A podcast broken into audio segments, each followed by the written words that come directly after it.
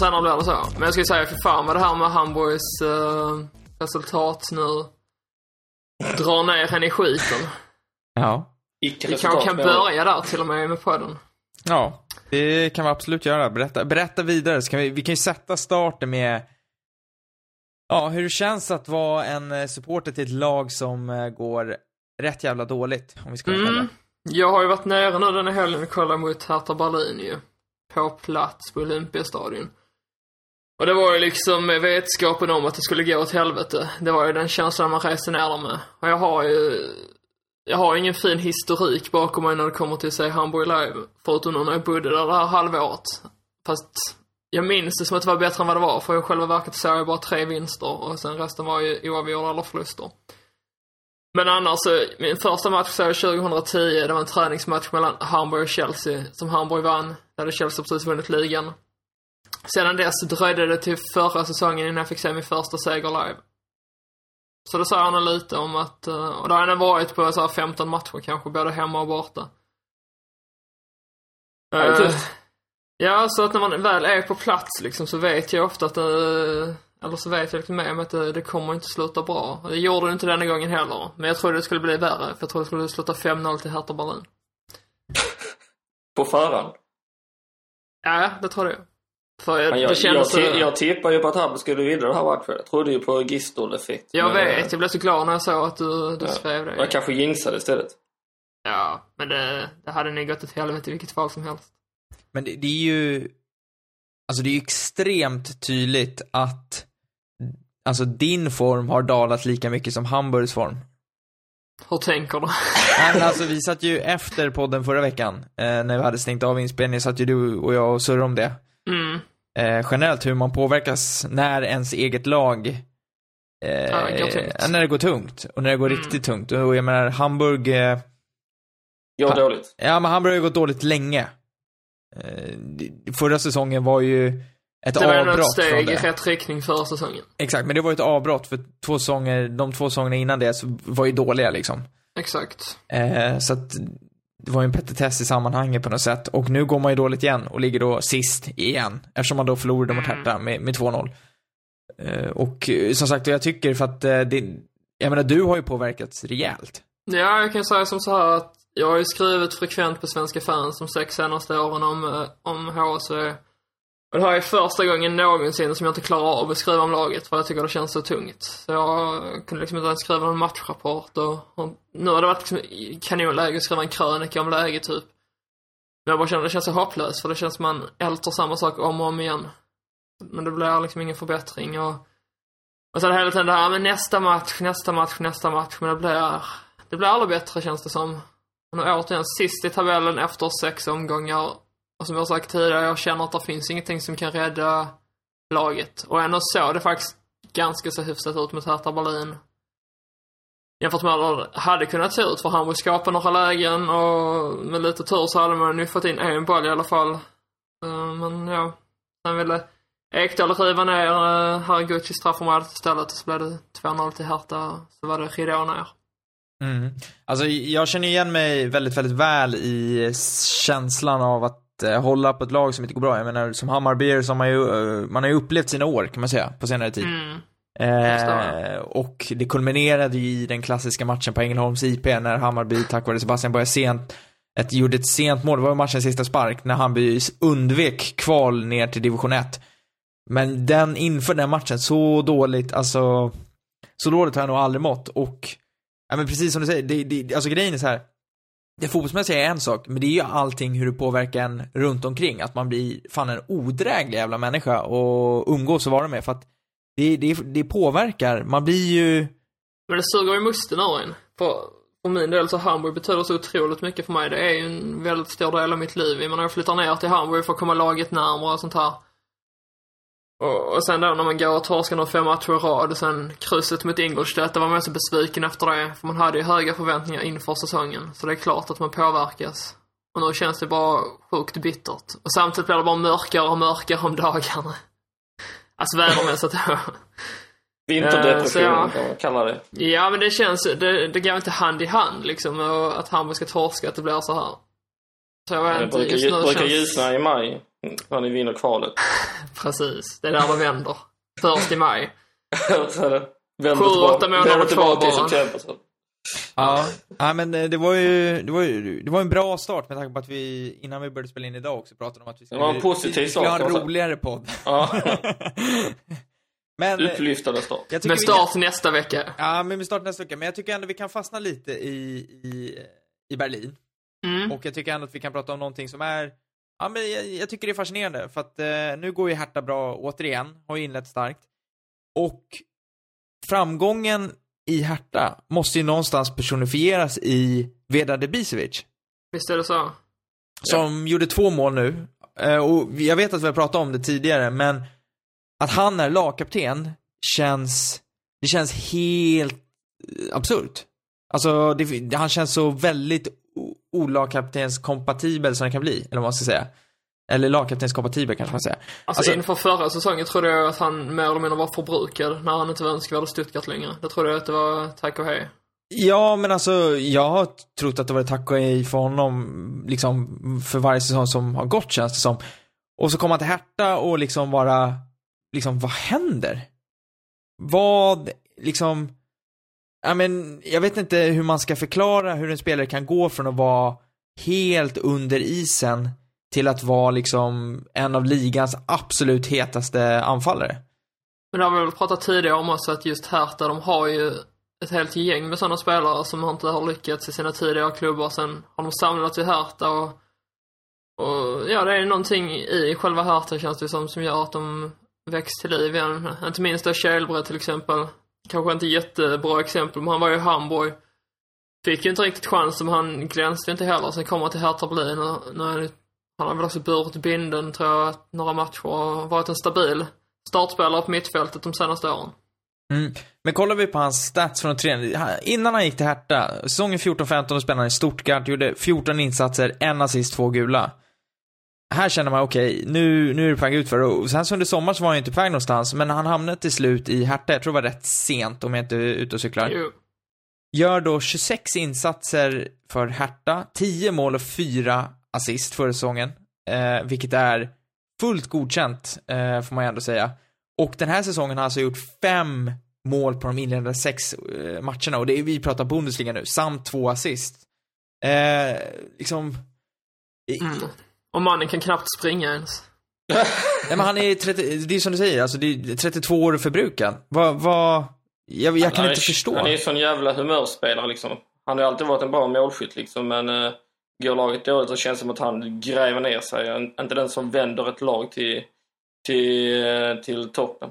Nej, Han men, har ju Hertha överhuvudtaget har ju liksom är ju inte bara Vedran Ibisevic, även om han som har, gör målen liksom, och det är det han är bra på, men det är ju långt ifrån en one man show liksom i, i, i Berlin liksom. Ja, nej men och det, det känns lite som att han är Alltså dels känns det ju verkligen som att han är tränaren Dardais förlängda arm på något sätt. Det känns som att de är väldigt, väldigt lika i sinnet, men det är kanske, det är kanske bara jag som känner så, men Alltså det, jag, jag är fortfarande väldigt besatt av tanken på att den här killen är lagkapten, för jag känner ju, jag får ju inte vibban av att det är gubben som går in i ett omklädningsrum och liksom han är ju inte, han känns ju väldigt, eh, han känns ju inte PK någonstans. Nej, men han känns ju... Han är den här typiska juggen som kommer in och... Lite som Spahic. Är, han är också bosnier. Väldigt så här hårdhudad och... eh, Tar ingen skit. Spahic, hans första match i Hamburg sa han ju till både Holtby och, och Nikolaj Müller tror jag det var. Ett och annat. Lika starka målskyttar. Ja, exakt. Kanske inte riktigt. Men eh, personligheterna delar de väl ganska så mycket. Nu vill ju dessutom Hertha förlänga med honom vet jag. Man kan ju fråga sig vad det rör sig om för kontrakt, om det är två, tre år det handlar om. Ja, det, ja, det är ju frågan. Han är ju född 84. Eh, Inte så jävla gammal liksom. nej, men han, det är klart han skulle kunna hänga på en två, tre år till utan problem. Men eh, känner ni till hans eh, meritlista, eller kan ni säga vilka klubbar han representerar? Han började alltså sin, sin professionella karriär eh, 2003. Stuttgart och Hoffenheim vet man ju. Annars såna... Ja, men exakt. Och Hoffenheim, och det är 2007 till 2011. 2012 till 2015 i Stuttgart, men han började alltså sin karriär borta i MLS. Är det så? I St. Louis Strikers, nu vet jag i och för sig inte om de är just MLS eller om det är någon sån high school-grej, men St. Louis Strikers, eh, sen så gick han till Chicago Fire, var i PSG från 2004 till 2006. Eh, utlånad till FCO Dijon. Och 2006-2007 hamnade han i Aschen och sen var det Hoffenheim, Stuttgart, Hertha. Det är ju... det- Ingen spikrak karriär. Ja, hade ni någon aning om det här? För det här är helt nytt för mig. Jag hade ingen aning om att han eh, hade... Man, jag har ju tänkt på honom som en spelare i Tyskland i Mm. alla år. Alltså nu när jag hör det här med att han har varit i USA så känner jag igen det, men det är faktiskt ingenting jag hade så här i huvudet. Men någonstans har är, han inte, är han inte typ halvjänkare eller något? Eller att han typ spelat Brooks. för USA eller något sånt där? Ja, det kan säkert stämma. Eh, det, det som står i alla fall att Michel Platini eh, var en av de som blev uppmärksammad på Ibisevic och att det var så han hamnade i Frankrike. Nåväl, det är, ju- det är ju helt sjukt eh, och Hertha öser på. Eh, man kan säga att det är lite två skilda världar i Hertha och Hamburg just nu, eller hur? Ja, visst är det det. Storstadsmötet. Ja, men som sagt, det var förväntat på förhand att det skulle bli eh, seger för Hertha. Och så just de här målen han gör, för han gjorde ju båda målen nu i Bisevic. Det första, då stod han ju verkligen rätt placerad, för bollen bara damp ner framför fötterna på honom, så satte han foten till. Och sen det andra var då en straff. Men han är ju eh, som sagt på rätt plats vid rätt tillfälle och han gör sina mål och han bär ju detta Hertha Berlin som går så bra återigen. Medan Hamburg bara sjunker längre, längre ner i tabellen. Fast går det inte sjunka längre. Nej. Och Vad gjorde Gisto för förändringar då? Eh, Inför matchen eller? Ja. Han startar med två anfallare istället för det sedvanliga en. Så både Lasoga och Bobby Wood fick chansen. Och Lasoga var ovanligt eh, bra. Och han har inte varit det på länge. Men han eh, gick in i duellerna, han vann en hel del, spelade fram bollarna. Sen Bobby Wood syntes inte så mycket för. Hade han sprungit lite mer kanske så hade han kanske kunnat snappat upp en annan boll. Men sen ska vi komma ihåg också att Herthas försvar är väldigt kompakt. Men eh, annars var det inga nyheter. Kostic och Müller på varsin kant, Ekdal och Holtby i- inom mittfältet och sen eh, defensiven densamma som tidigare. eh, Lasogga där, tror du han kan bli en Ibisevic i framtiden? Nej, han är ju förbrukad. Ja, det är ändå, det, hur gammal, vet du hur gammal Lasogga är? Han är väl 91 Ja. Så de är Ja, det var 25 25 bast. Det känns som att Vill han... behålla chiplock-sätt. Ja, faktiskt. Lasogga har ju varit med i en evighet, men han...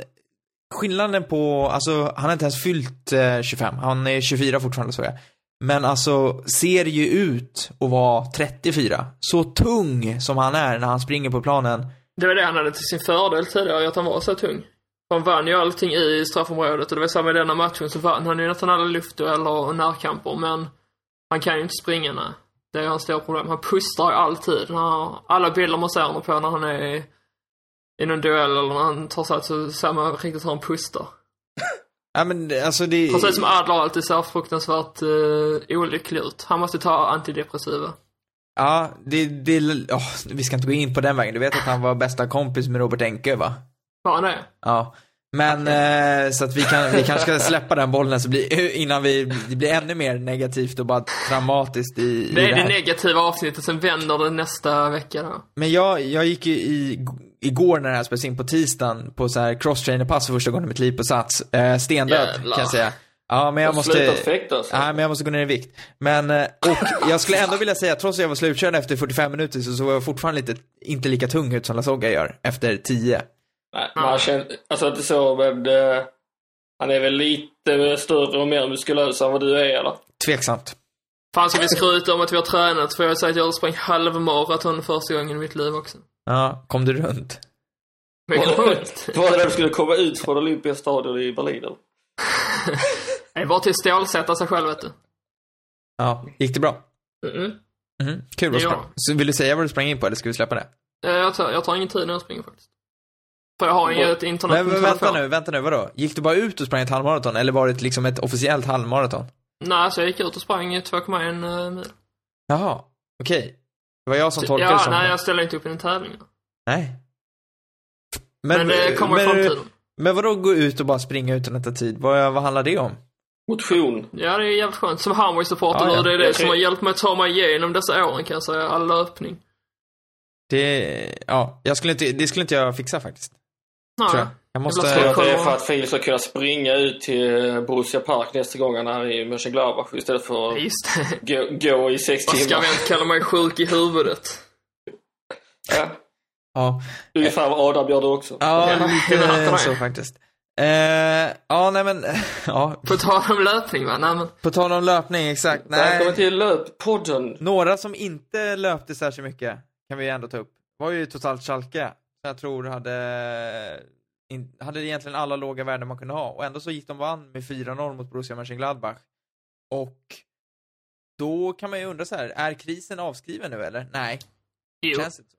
Men är det inte ganska kul att, var det inte Heidel som sa för någon vecka sedan bara att vi är inte Borussia Mönchengladbach för alla jämförde dem med eh, de, deras försäsong. Och så går man och torskar fem matcher i rad, vinner den sjätte och det sker mot just Mönchengladbach. Ja, vill du, vill du veta något ännu mer intressant? Det är att vi, se- exakt efter fem omgångar förra året så låg de här lagen på samma pos, Aha. liksom, positioner fast omvänt. Eh, så att eh, likheten är ju slående. Verkligen. Eh, eh, men ja, Choupo-Moting såg ju grym ut i- i den här matchen faktiskt. Eh, Ännu en Hamburg-talang som man har bara vaskat bort. och Brele Boll, Filip. Ja, Ja, men jag sa det, jag har en kompis som håller på Schalke och han påminner mig om det att han uh, gjorde doppelpack, men jag sa en gång ingen gång, så jag håller fast vid det. Marcus Berg gjorde också sina baljor i Hamburg. Förlåt Ja. Marcus. mm. 67% bollinnehav hade Mönchengladbach, eh, Schalke 33, men eh, de 33 var ju extremt effektiva, men det, alltså bättre resultat att gå in i vila med kan man ju inte ha fått. Nej, det var precis vad de behövde. Och så vann man ju sin uh, Europa League-match i veckan där, så det är bara att köra på nu.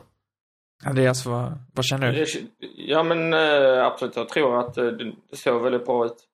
Sen så handlar ju förvånansvärt mycket efter den här matchen handlar inte så mycket om att Schalke eh, plötsligt gick och vann. Det var liksom inte att det blev den stora rubriken utan allting handlade ju om Schuberts eh, halvtidsbyte. Han ersatte en i första halvlek strålande Jannik Westergaard med en Lars Stindl och sen nu blev det, det stod ju 0-0 i halvtid, det ska man ju komma ihåg liksom. Men sen så tappade Mönchengladbach allt och tror att produ- producenten efter varje mål som Schalke gjorde så zoomade de in Westergaard på bänken när han satt och, och nickade och inte fattade någonting varför han hade blivit utbytt. Eh, Och det var, förstod inte jag heller. Eh, Schuber försvarade med att han ville göra målet liksom. Men eh, han hade inte hjälpt att göra ett mål om man släpper in fyra. En seger på senaste 14 borta för eh, Borussia Mönchengladbach. Och ändå Där- förlängde där man med vi- honom. Ja. Ja. Och där kan man ju prata om dålig matchcoaching alltså. Herregud. Ja, det kan man göra på riktigt. Nej, jag kan inte, jag kan inte för mitt liv förstå varför man har förlängt med Schubert. Det finns en till tränare du tycker är ännu uh, konstigare att man skrev kontrakt med. Alexander Alexander. Nordi. Precis. Ja, men, Ja men vad fan, han går ju som tåget ju. ja, Eh, men, nej, men 2-2 mot Darmstadt är fan Ja, inte det att gå som ju- tåget. Du kommer ihåg att jag ti- tippade Darmstadt, de är ju över, över kvalstrecket. Det vet du. Mm. Eh, Men eh, det var faktiskt skillnad på Alexander Nordi mot Darmstadt än vad det var veckan innan. Han höll sig faktiskt rätt lugn på tränarbänken. Så jag uppskattar honom mer, men jag har fortfarande svårt för själva valet, för jag tycker att det är ett, ett jävla B-val liksom. Det, det är När får han sparken då? Ja, men alltså grejen är att Bremen kommer att hålla fast för honom säsongen ut. Han har ju kontrakt säsongen ut och jag förväntar mig att han sitter där hela, hela Och så vägen. efter fyra matcher nästa säsong, då åker han. Ja, det, alltså det, det är det här som blir svårt. Det är det här som de kommer liksom få ångra i slutändan. För att risken är att det går så pass bra att de blir tvungna att skriva ett, liksom, ett kontrakt med honom. För jag menar, förväntningen är så pass låga, så klarar de sig kvar nu, ja, ja då är det så här, men då, nu är det ju bara att behålla honom. För jag har ju svårt att se att de har stake nog att plocka in en annan om han har då löst det. Dessutom så verkar han vara precis den här typen av tränare som fansen älskar och han har Bremen-bakgrund och bla bla bla bla. Sånt där som man Precis har. som Skripnik. Ja, nej men exakt. Och då, då blir det så här, jaha, då är vi inne på samma liksom visa igen och eh, ja, jag, jag tror inte det kommer leda dem någonstans. Nej, men Bremen och Hamburg går ju hand i hand där med mycket tycker jag. Ja, men då tycker jag, då, då tycker jag väl att Hamburg verkar ha lite högre ambitioner. Jo, men det är väl det också som är ett stort problem. Och det har jag sagt att det är den här skeva självbilden. Att man ska vara en storklubb, att man vill att det ska gå fort. Men man måste jobba långsiktigt, men det har man inte tålamod till. Och därför sparkar man tränare till höger och vänster. Mhm. Precis som Gistol kommer få snart. Känner du pressen där nu Adam? Eh, inte det minsta faktiskt. Jag såg mycket positivt eh, i, i Hamburg. De kommer, du ska se Filip. Eh, på tal om tålamod förresten så tycker jag vi faktiskt vi ska ta upp en tränare som inte hade så mycket tålamod i helgen. Eh, Thomas Tuchel. Som eh, ju såg sitt Dortmund förlora med 2-0 mot Leverkusen och Jag visste inte det Andreas, men du vis- har du uppmärksammat hur mycket Dortmund har blivit som Bayern? Fan menar du? Det vill han inte höra. Du menar att vi har Sebastian Råde på mitten? Nej, jag tycker att det var Omar Götze på plan, eller? Nej, jag vet inte. Men det, det jag menar är, i vilket fall, att eh, det var ju väldigt tydligt efter matchen, när Thomas Tuchel dels hamnade lite små gräl med Roger Schmidt på presskonferensen där, ja, jag tyckte Roger Schmidt var en höjdare. Eh, som sagt, rör inte Roger, han är ju bäst.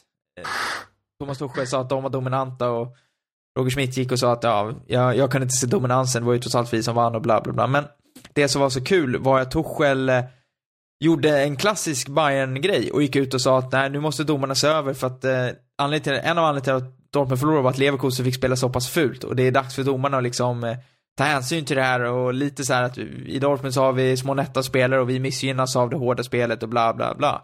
Nu har jag sagt bla bla bla rätt mycket i den här podden, men eh, jag, Det är jag fortsätter med Det är lite så jag känner överlag med livet just nu. Ja, men och eh, det, det är ju typiskt, det är ju typiskt bayern maner att gå ut och försöka påverka domare på en presskonferens. Ja, det var det du menar alltså? Ja. Ja, men en gång är ingen gång. Som du sa.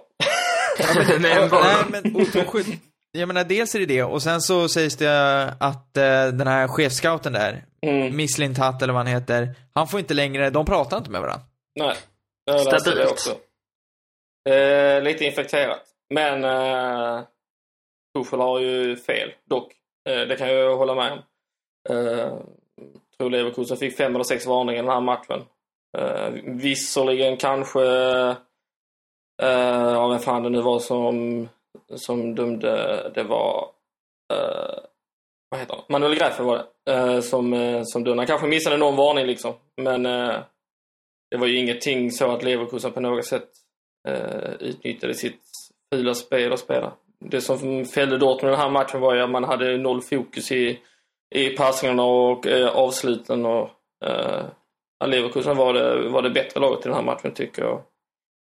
Också märkligt att Torshäll liksom mm, eh, rör om så mycket i, i startelvan med att sätta in rådet till exempel liksom, som har varit eh, katastrof hittills den här säsongen faktiskt i ligan. Och, eh, det känns som att eh, än en gång liksom att det var lite märkligt. Varit till startelva och plocka Pulisic i halvtid för Emre Mor som inte liksom riktigt har vuxit till sig i Bundesliga längre. Det blir, blir eh, ja, det märktes att det var panik på bänken. Eh, jag tror inte Tuchel alls var nöjd med. Men jag sumpar den här chansen att faktiskt plocka in poäng på Bayern München som han hade chans till. Mm. Jag, jag känner ju bara att eh, de här två sakerna och sen så lägger vi samband med, med all, alla andra kontrollbehov som Torshäll har med att styra över hur spelarna äter, anställt massageteam, tagit in psykolog nu som flyger in, nej det var, ja, det var någon sorts eh, sömncoach tror jag det är. Eh, och det ena och det andra. Det känns ju som att, eh, framförallt de här två senaste, dels med det här mot domaren, och, och, eller domarna generellt och med den här chefscouten att han inte samtalar, att det känns som att han börjar gräva sig lite av en, en grop. Ja, alltså skillnaden mot... Eh, så Klopp var ju också en eh, gigant eh, i att eh, kritisera domare och, och så vidare. Men skillnaden jämfört med Tuchel var ju att han eh, lät det vara inne på planen liksom och drog sällan med det in i, in i presskonferenser eller efteråt eller började kivas liksom med... Vi minns, Nej, ju- vi minns ju alla bilderna från eh, Neapel. Kepsskärmen, var det då? Ja, det, det var ju när han, i Champions League, när han stod och skrek på Ja, fjärdedomaren vid sidlinjen. Det är väl, det är väl det mest klassiska Klopp-utbrottet. Och, och blev avstängd. Ja.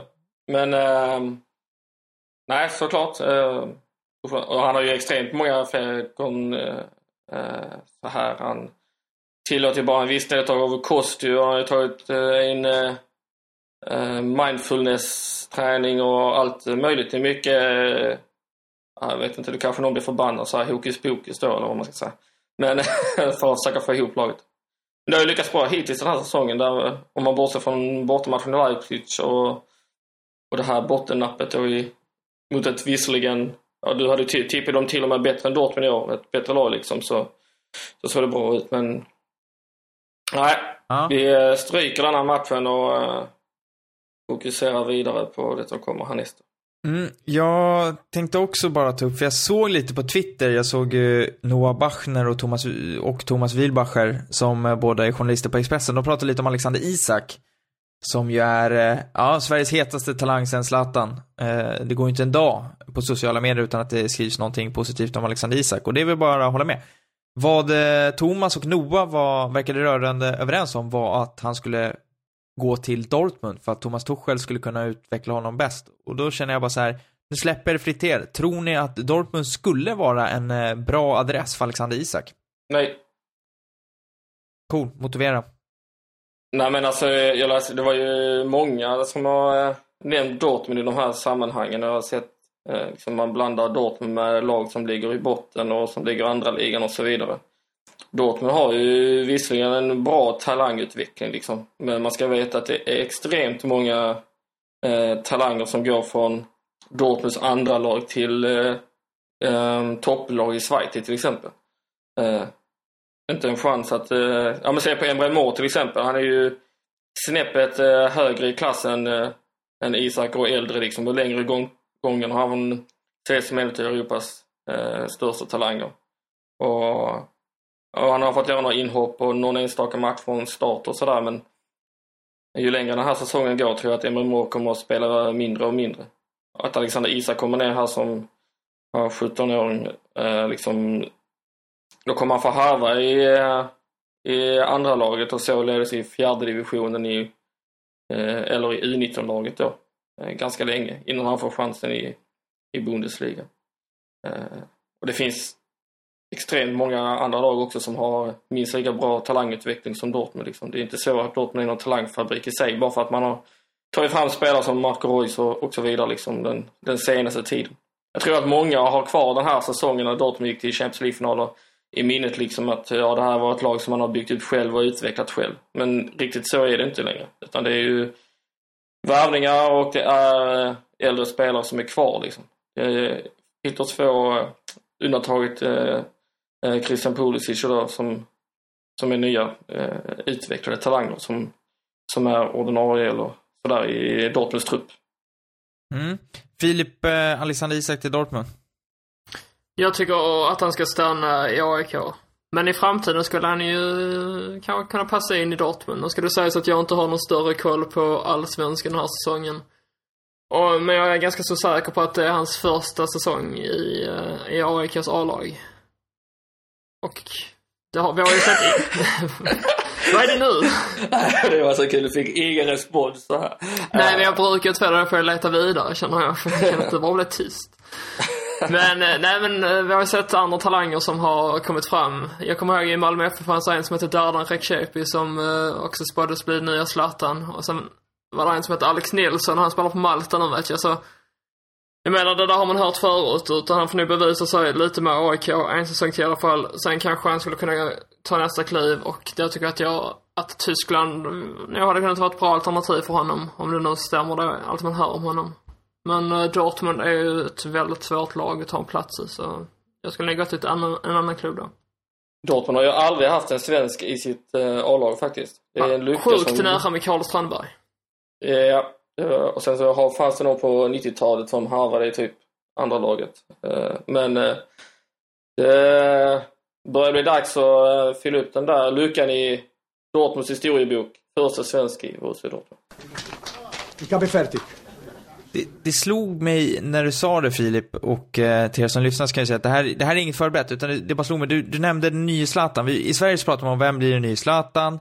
I Argentina så brukar man säga, ja men det här är nya Maradona och nya Pelé i Brasilien och sådär. Vem, vem har vi i Tyskland som är liksom, det här är den nya, vilket, liksom, vilket namn är det som poppar upp? Finns det ens ett sådant namn i Tyskland som man brukar prata om? Uwe Seeler. I Hamburg i alla fall. Ja, det, det, det har man ju i och för sig hört. Du menar I... att vi ska prata 16-17-åringar nu alltså? Ja, men då sa jag som sa att i Tyskland har det väl egentligen alltid varit kollektivet som har stått i fokus. Det har varit så många bra spelare samtidigt. Det har aldrig varit en sån här riktig storstjärna. För det man tänker är väl, det, det är ju det klassiska målvaktsgrejen, men det är ju fortfarande inte så här, det här är en ny Harald Schumacher liksom. Det är ju inte det man säger, utan... Ny Oliver Kahn. Ja, det är tveksamt. Nej, men jag tror att det har alltid varit så bra spelare faktiskt. Det har aldrig varit den som har stuckit ut riktigt. Julian Draxler var ju rätt...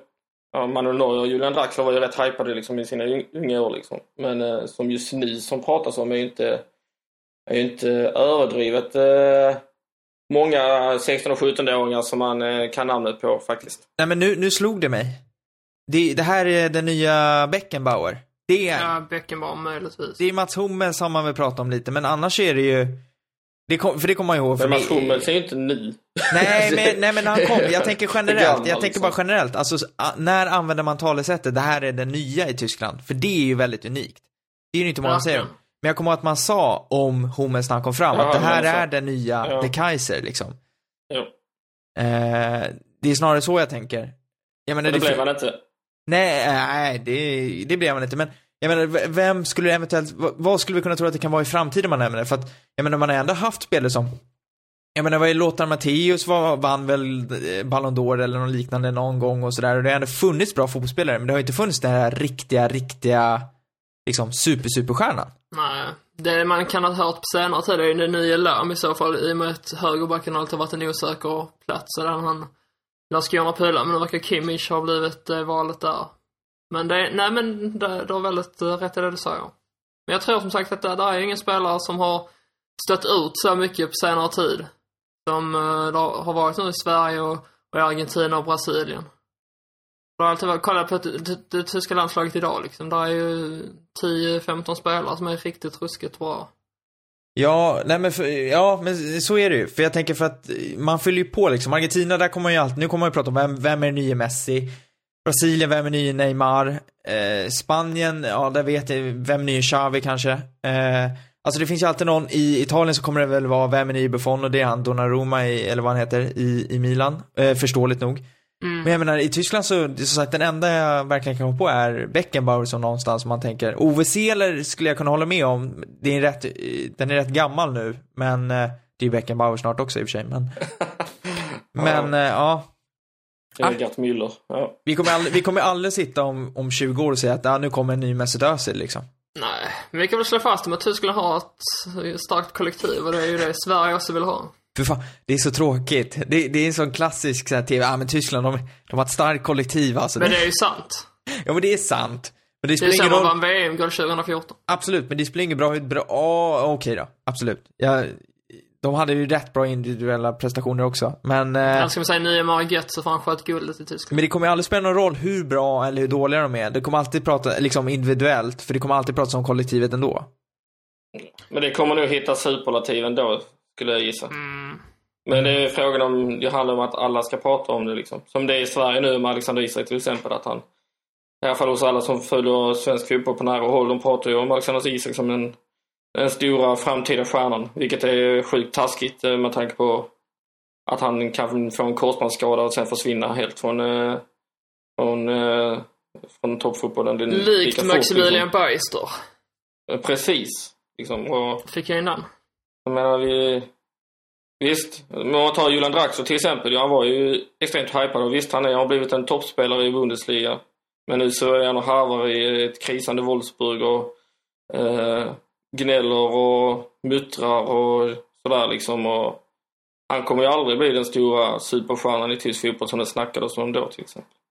Nej, det håller jag med om. Filip eh, Maximilian Beister, vill du, ba, vill du dra Beister-storyn? Det kan jag göra. Det är ju då en kille som växte upp i Hamburg, spela, började spela fotboll i HSV ganska så tidigt. Jag har alltid varit en lovande spelare, lik Jonathan Tah. Det har alltid varit Beister och Tah som har varit de två namn som har nämnts som, eh, som framtidens Hamburg-spelare.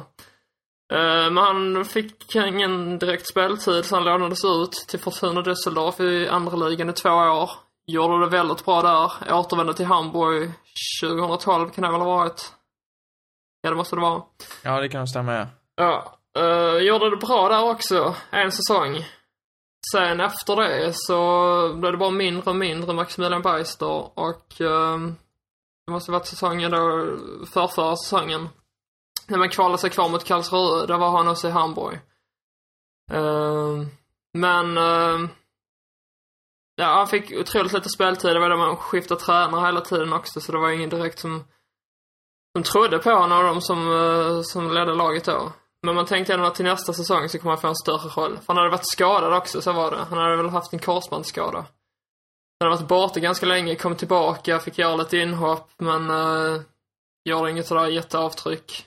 Och sen, bara dagar efter man hade klarat sig kvar så kom det fram uppgifter om att han skulle, att de sa upp hans kontrakt. Och mycket väl gjorde man det, så man köpte ut honom från kontraktet.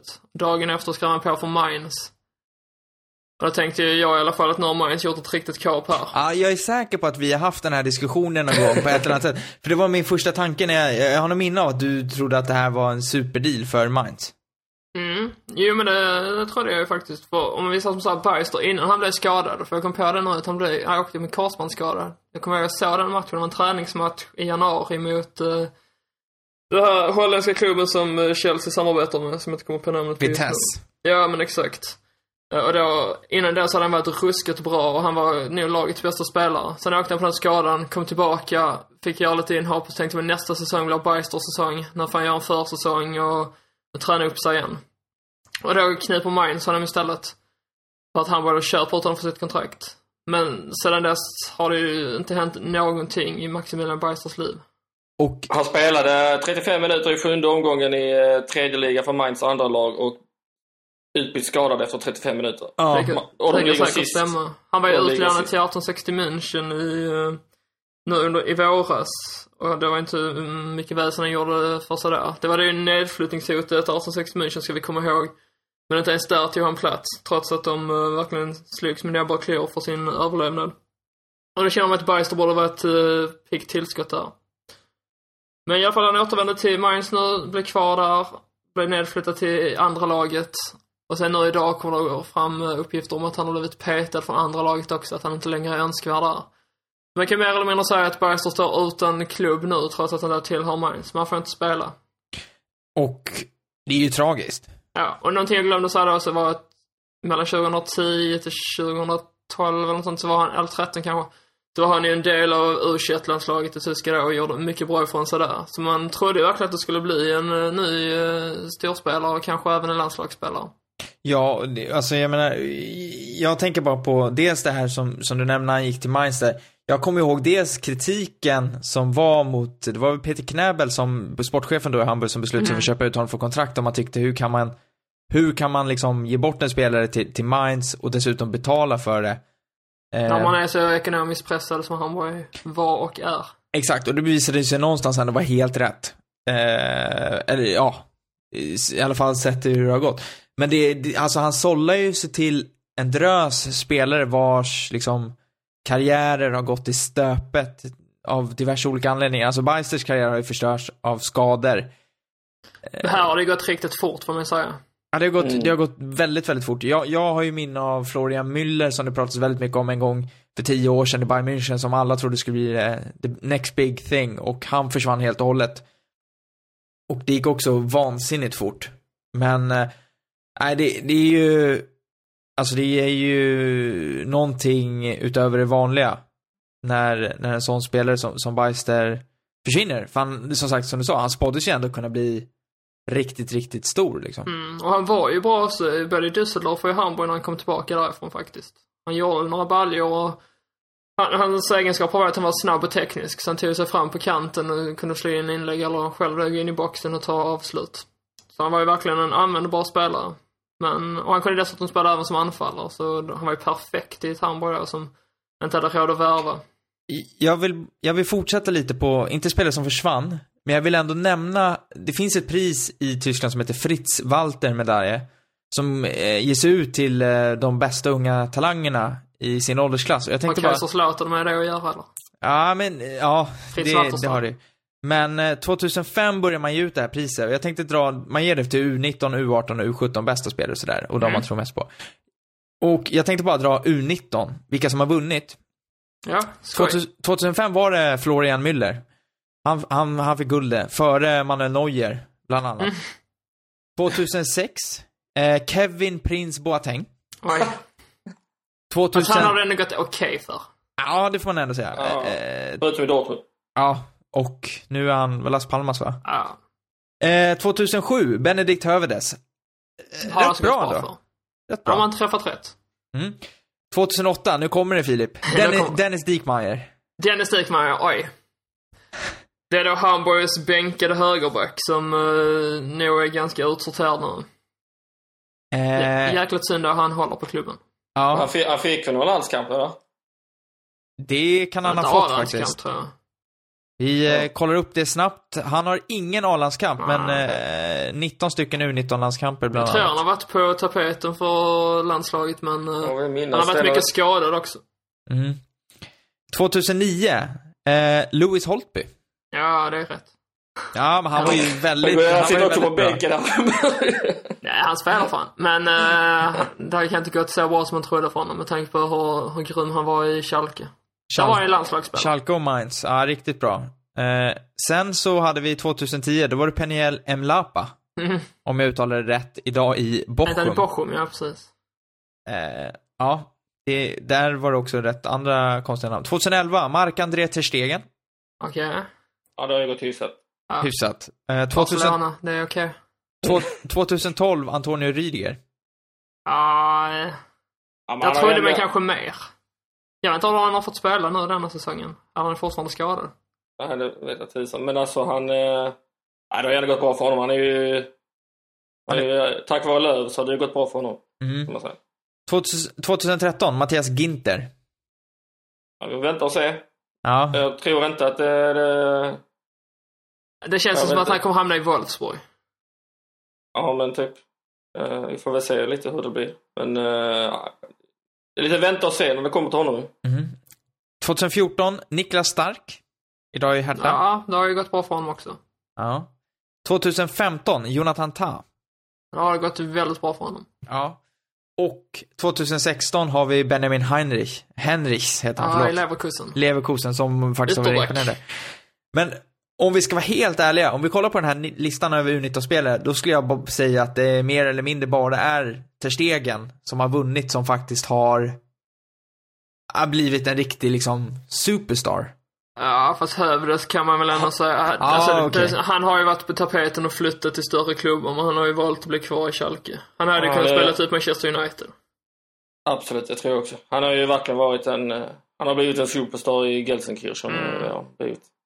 Och eh, alltså, det, det är fascinerande, men det säger rätt mycket för när man ändå är 19 år och får en sån här 19 år, då är man ju då har man ju kommit rätt långt i sin karriär. Alltså 17 år, ja då är det långt kvar. Men 19 år, då är man ju och nosar på platserna i Bundesliga. Många av dem har ju liksom spelat då. Ja, absolut. Men det där är som s- startspelare till och med.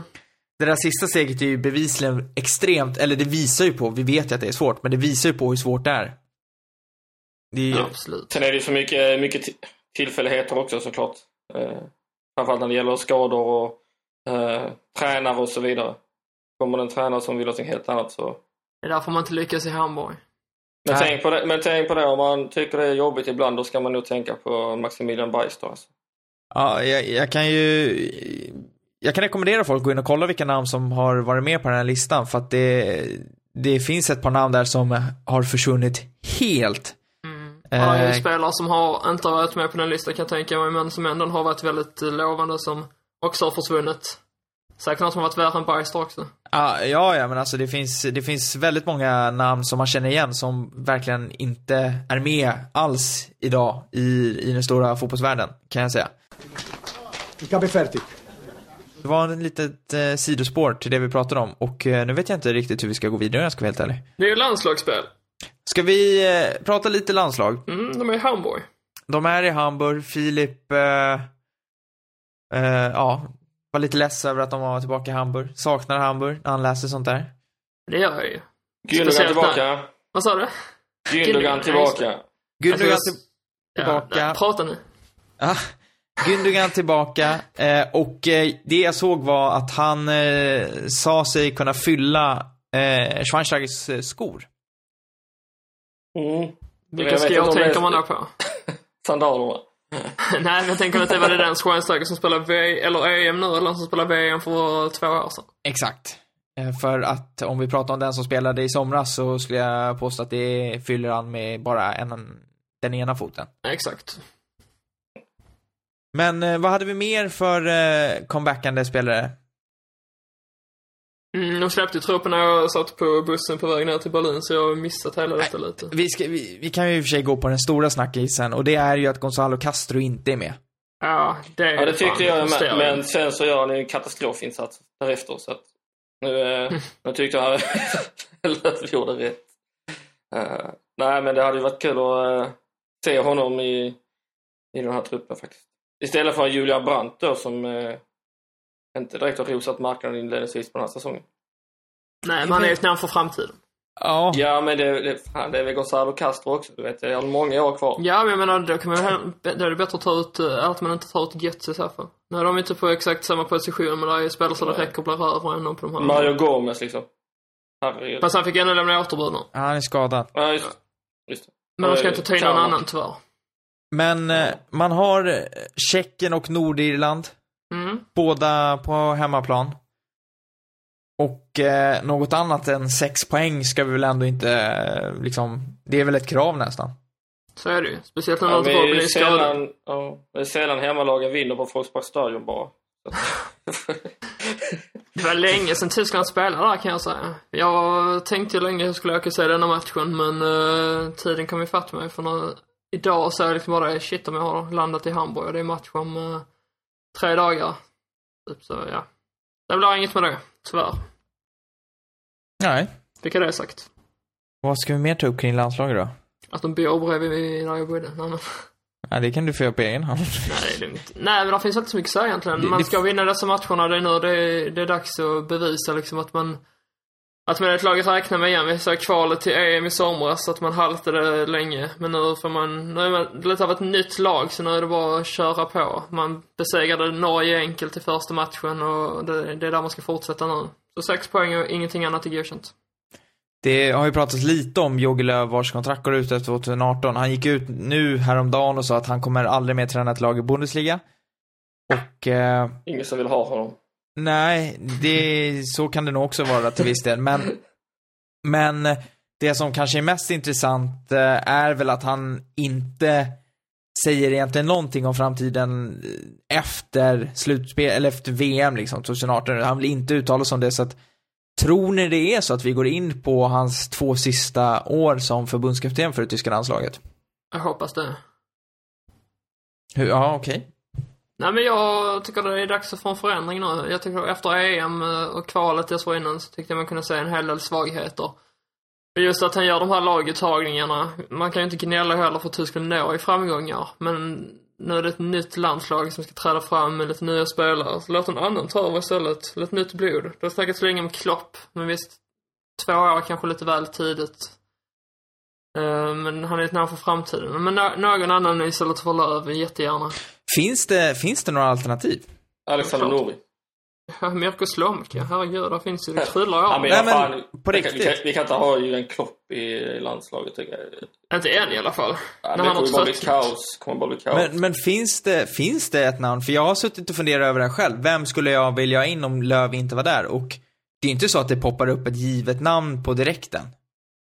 Men som, är- som är tillgängligt nu eller som eh, man skulle kunna tänka sig då om två år. Ja, men jag tänk, tänker vitt och brett liksom. Med Lucien Favre, fast han är väl mer en klubblagstränare. Men tro, tror du de tar någon som inte är tysk? För det tror inte jag. Jag tror att personen måste vara tysk.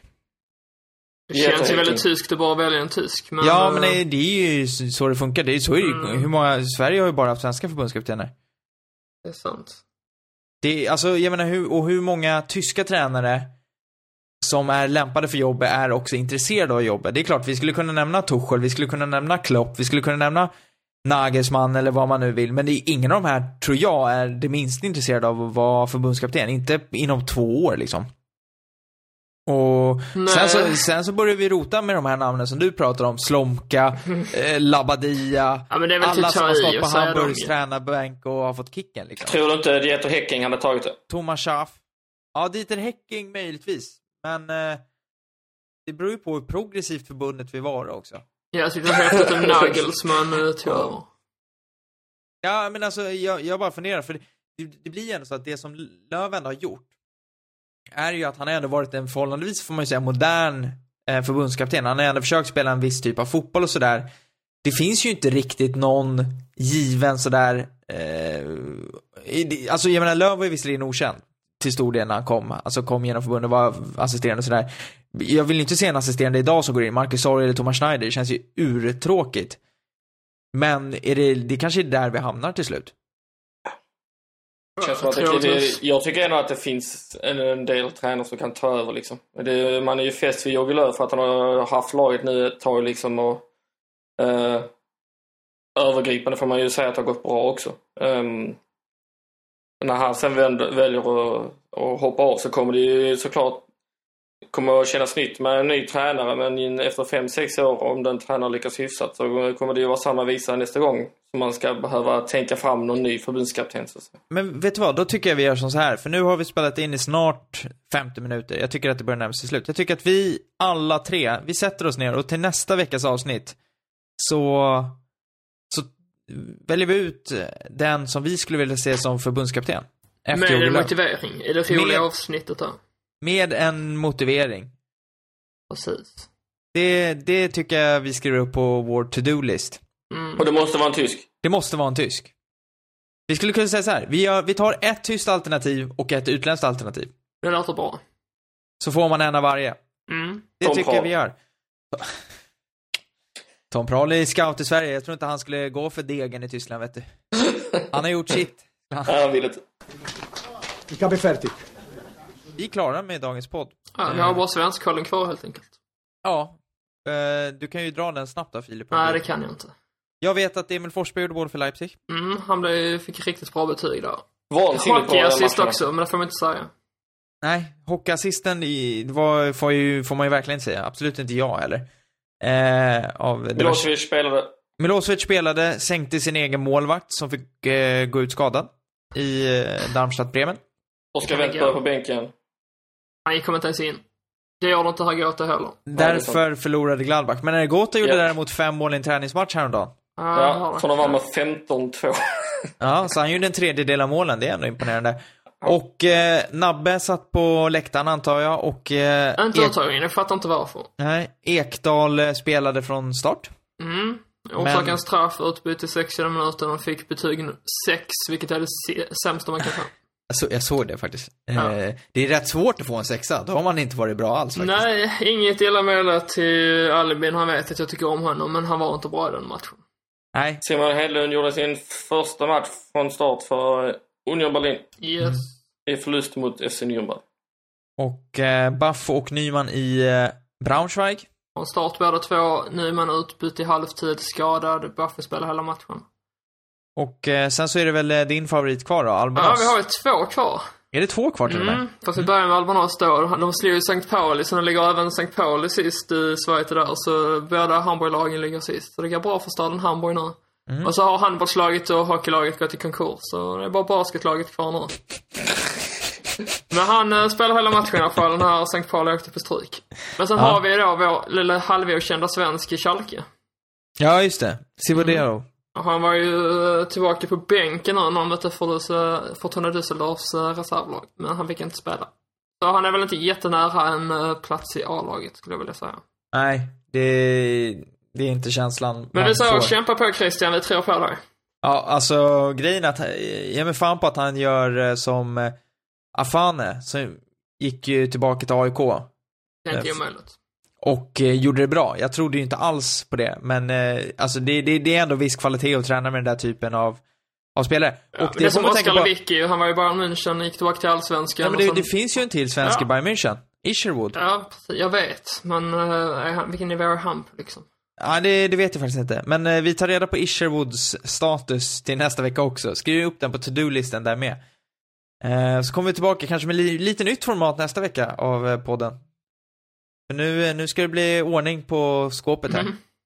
Nu ska det bli åka av. Ja. Och eh, på sociala medier kan ni hitta oss på framförallt Twitter, där Filip har namnet. Volin med en nolla istället för ett O. Två L också för den som inte hör vad jag säger. Yes, stämmer. Andreas Holm har namnet. Snabel och Anja Holm med ett L. Och jag har namnet eh, A.T. Nilsson. Två S. Ett L. Inget L. Jag, jag var nere på Oktoberfest här i helgen. Just det. Eh, och eh, mådde jättebra. Hade jättetrevligt. Eh, det var ju lite extra bevakning med tanke på att det fanns lite terrorvarningar och sånt där. Eh, men det sköter de alldeles utmärkt, tyskarna. De är bra på att organisera upp saker. Allting går smidigt och lugnt till oavsett hur mycket folk och bedrövelser det kan vara i närheten. Men det är ju det är, det är fascinerande hur eh, fulla tyskar kan sköta sig betydligt bättre än fulla svenskar. Men det är kanske en annan diskussion. De har det ju i uppväxten, det är ju en del av den liksom, att man får lära sig dricka öl. Ja. Men frågan är hur många liter öl du svepte? Eh, jag svepte inte så mycket. Jag drack eh, fyra liter öl på, när vi satt vid vårt bord under tre och en halv timme. Det är lika med tre toabesök det jag har räknat ut. Ja, nej men så jag drack väl, jag drack förhållandevis, förhållandevis lugnt. Jag har ju druckit my- mycket mer en annan gång. Men, Men, det, men du ska skryta nu. nej, men det gick, då gick det inte bra. Den här gången visste jag att jag måste hålla mig i skinnet för annars kommer det inte gå bra. Nej. Men otroligt kul, också fascinerande för jag, eh, det är så, de som inte har varit i München kan säga att det från den gången, Pissstad. nej, men, nej, jag tycker om München, men Jag grejen är att första gången jag var där så var det inte alls lika utbrett som det är nu med Bayern Münchens fanshopper, ta mig fan överallt. Jag vet, det är helt sjukt. De har till och med en i Berlin. Ja, men jag, ja, det, är, det är något helt absurt och jag gill, det är någonting i mig som det bara tar emot när de ligger på gator där det inte ska ligga. Alltså jag vill inte, det ska inte ligga på det stora gångstråket. Alltså fanshopper ska ligga lite i skymundan. Jag vill inte Men se du vet, det. det finns till och med tunnelbanestationer. Ja, det är fruktansvärt. Ja. Det är, jag, jag, har, jag har otroligt svårt för det. Eh, men det jag skulle Är du överraskad? Nej, det är inte ett dugg. Bränn upp dem allihopa. De har väl satt en fanshop i Dortmund om jag inte är ute och cyklar bara för att jävlas. Nej, inte fan. Jag Ja, har aldrig det- sett den i alla fall. Däremot vet jag att Dortmund har en i Polen någonstans. Aha. I, i, som kom i samband med Kuba, Lewandowski, Piszek-eran så att säga. Ja. Så är det ju så så var det- och Hamburg räcker de att man har sina shoppar i sin egen stad. Dortmund har en eh, en annan tysk stad också. Kan ni gissa vilken? Hamburg. Oldenburg! Fan. O- oväntat. Jag kan inte ens placera den på en karta ska jag säga. Men... Ja. Ja, äh, det är bra info. Men det jag skulle säga var att de på hotellet hade försökt stava mitt namn och de hade skrivit Nilsson som N-I-E-L-S-O-N.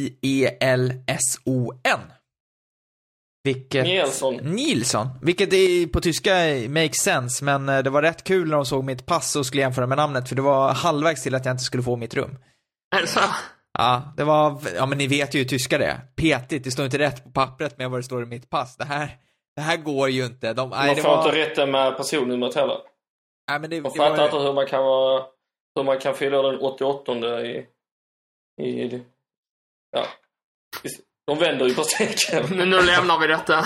Vi lämnar det här, vi säger eh, hej då, hej då och så Prost och show. hörs, hörs vi om en vecka. Ciao. Ja, ciao! Erlaube!